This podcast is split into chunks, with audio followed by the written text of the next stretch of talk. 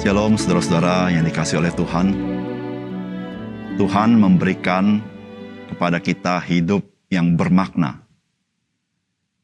Namun, kita harus menghidupi hidup kita sesuai dengan makna yang Tuhan berikan kepada kita. Sehingga anugerah yang Tuhan berikan kepada kita tidak menjadi sia-sia, bukan? Salam jumpa dalam program Tuhan adalah Gembalaku. Saudara, bagaimanakah kita menjalankan kehidupan kita? Apakah kita menghidupi kehidupan kita ini semata-mata untuk memenuhi segala kebutuhan kita saja? Memang saudara, kebutuhan hidup kita perlu kita usahakan untuk kita penuhi. Namun jikalau hidup kita yang kita jalankan ini semata-mata hanya untuk memenuhi kebutuhan hidup, apakah makna kehidupan kita itu? Atau apakah kehidupan kita ini hanya untuk memenuhi ambisi-ambisi kita terkait dengan masa depan kita misalnya? Memang kita perlu mengusahakan untuk masa depan hidup kita. Namun apakah masa depan hidup kita itu sama dengan makna hidup kita? Saudara kebutuhan hidup kita masa depan hidup kita sebetulnya adalah penunjang supaya kita bisa memaknai hidup kita. Karena makna hidup kita lebih tinggi daripada seluruh kebutuhan kita. Makna hidup kita itu lebih tinggi daripada yang disebut dengan masa depan kita. Setelah mari kita membaca firman Tuhan dari Yohanes pasal yang keempat ayat 31 sampai 38. Sementara itu murid-muridnya mengajak dia katanya, Rabi makanlah. Akan tetapi ia berkata kepada mereka, padaku ada makanan yang tidak kamu kenal. Maka murid-murid itu berkata seorang kepada yang lain, adakah orang yang telah membawa sesuatu kepadanya untuk dimakan?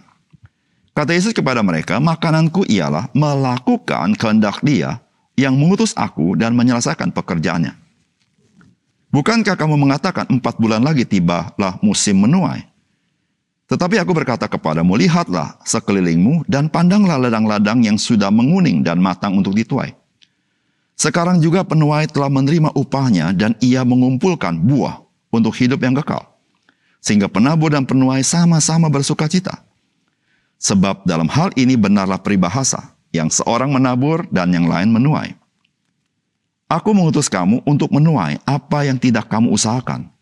Orang-orang lain berusaha, dan kamu datang memetik hasil usaha mereka. Saudara yang dikasih oleh Tuhan, menjadi murid Tuhan Yesus pada zaman dahulu itu berbeda sekali dengan kondisi hari ini. Seseorang itu menjadi murid misalnya sekolah karena menjadi murid Tuhan Yesus pada zaman dahulu, seorang murid itu adalah melayani gurunya. Oleh karena tidak heran, pada saat Tuhan Yesus harus makan, maka murid-muridnya lah yang menyiapkan mencari makanan bagi Tuhan Yesus. Dan pada peristiwa ini mereka sudah menyiapkan makanan dan mereka datang kepada Yesus. Dan mereka memang heran Tuhan Yesus itu berbicara dengan seorang perempuan. Karena pada zaman dahulu, para rabi itu enggan mengajar perempuan. Dan ketika mereka tiba kepada Tuhan Yesus, mereka minta Tuhan Yesus makan makanan yang disediakan. Dan pada kesempatan itu, sebagaimana biasa Tuhan Yesus, di dalam banyak peristiwa, ada ajaran penting yang Tuhan Yesus mau sampaikan kepada murid-muridnya. Dan kali ini terkait dengan misi Yesus Kristus ketika ia datang ke dalam dunia. Saudara, apakah pesan firman Tuhan yang penting bagi kita melalui bagian ini? Yang pertama, Saudara firman Tuhan mengajar kepada kita bahwa hidup kita ini berharga. Bukan sekedar dari apa yang dapat kita nikmati. Namun, dari misi dan kehendak Allah yang kita jalankan. Firman Tuhan berkata begini, sementara itu murid-muridnya mengajak dia, katanya, Rabi, makanlah. Akan tetapi ia berkata kepada mereka, padaku ada makanan yang kamu tidak kenal. Maka murid-murid itu berkata seorang kepada yang lain, adakah orang yang telah membawa sesuatu kepadanya untuk dimakan? Maka kata Yesus kepada mereka, makananku ialah melakukan kehendak dia yang mengutus aku dan menyelesaikan pekerjaannya. Saudara, makan itu gambaran sesuatu yang bisa kita nikmati, bukan? Pada saat yang sama ketika murid-murid Tuhan Yesus meminta Tuhan Yesus makan apa yang disediakan mereka. Lalu Tuhan mengatakan padanya ada makanan yang tidak kamu kenal. Maka heranlah murid-muridnya. Apakah ada orang lain yang memberikan Tuhan Yesus makanan? Tapi maksud Tuhan Yesus bukan itu. Yang Tuhan Yesus maksudkan adalah makananku ialah melakukan kehendak dia yang mengutus aku dan menyelesaikan pekerjaan.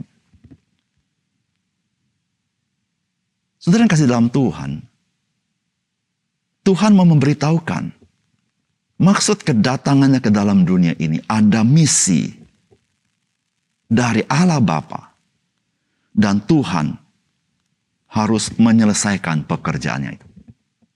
Dan itulah nilai kedatangan Tuhan Yesus. Dan itulah yang menjadi kesukaan Tuhan Yesus di dalam menjalankannya. Sebagaimana seorang menikmati makanan.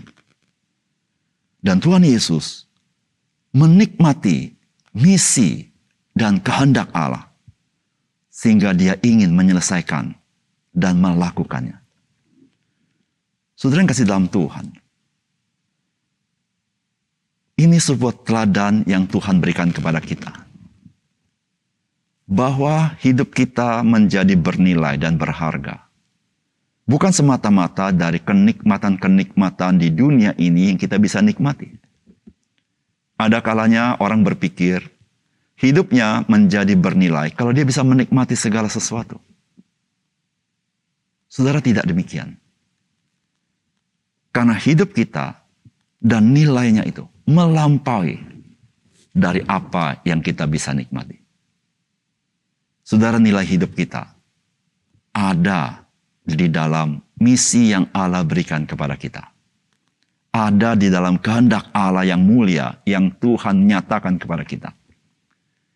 Ketika kita menjalankan misinya, melakukan kehendaknya, saudara kita masuk ke dalam makna dan nilai hidup kita yang sesungguhnya.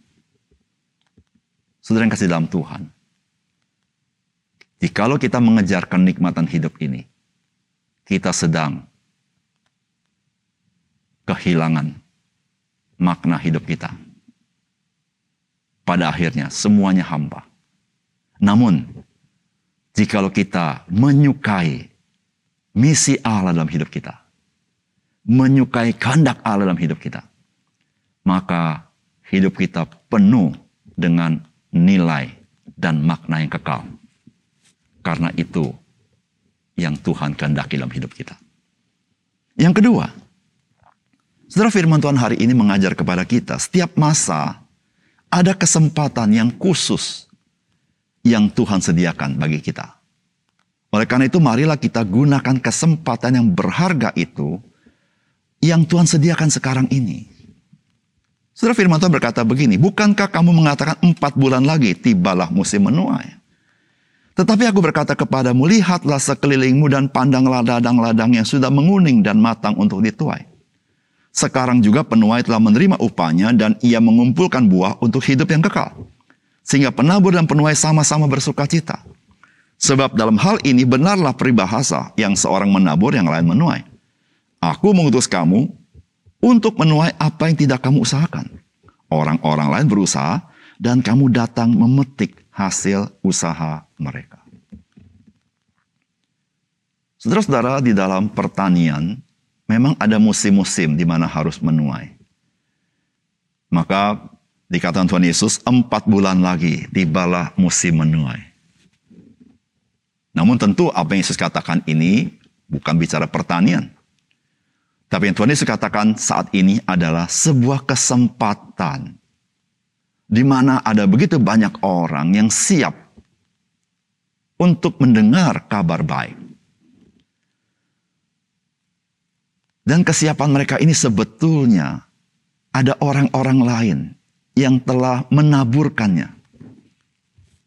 Dan sekarang murid-muridnya Tuhan Yesus katakan, sekarang kamu menjadi penuainya. Saudara-saudara yang kasih dalam Tuhan, Tuhan hari ini berbicara kepada kita, janganlah kita tunggu dan tunggu atau tunda dan tunda.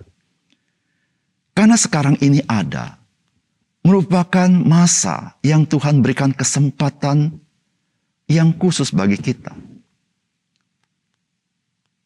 Dan Tuhan ingin kita gunakan sebaik-baiknya. Karena Tuhan sudah menyiapkan sekarang ini melalui karyanya yang telah lewat supaya kita boleh terlibat di dalamnya.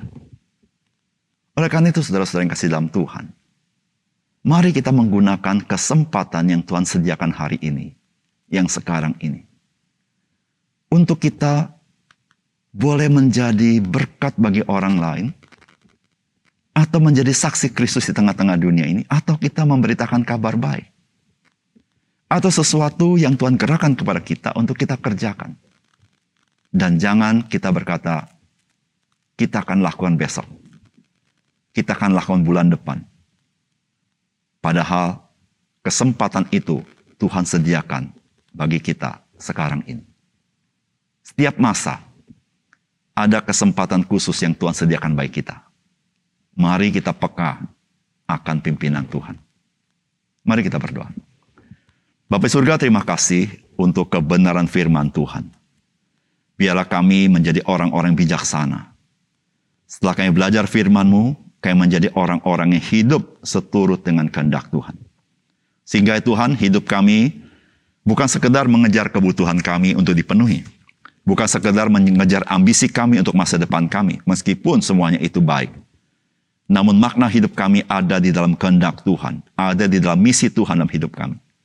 Ya Tuhan biarlah kebutuhan yang Tuhan siapkan bagi kami, masa depan yang Tuhan sediakan bagi kami, itu menjadi penunjang bagi kami untuk kami menghidupi kehendak Tuhan, menghidupi misi Tuhan. Sebagaimana Tuhan Yesus memberikan teladan kepada kami. Terima kasih Tuhan, dalam nama Tuhan Yesus kami berdoa. Amin.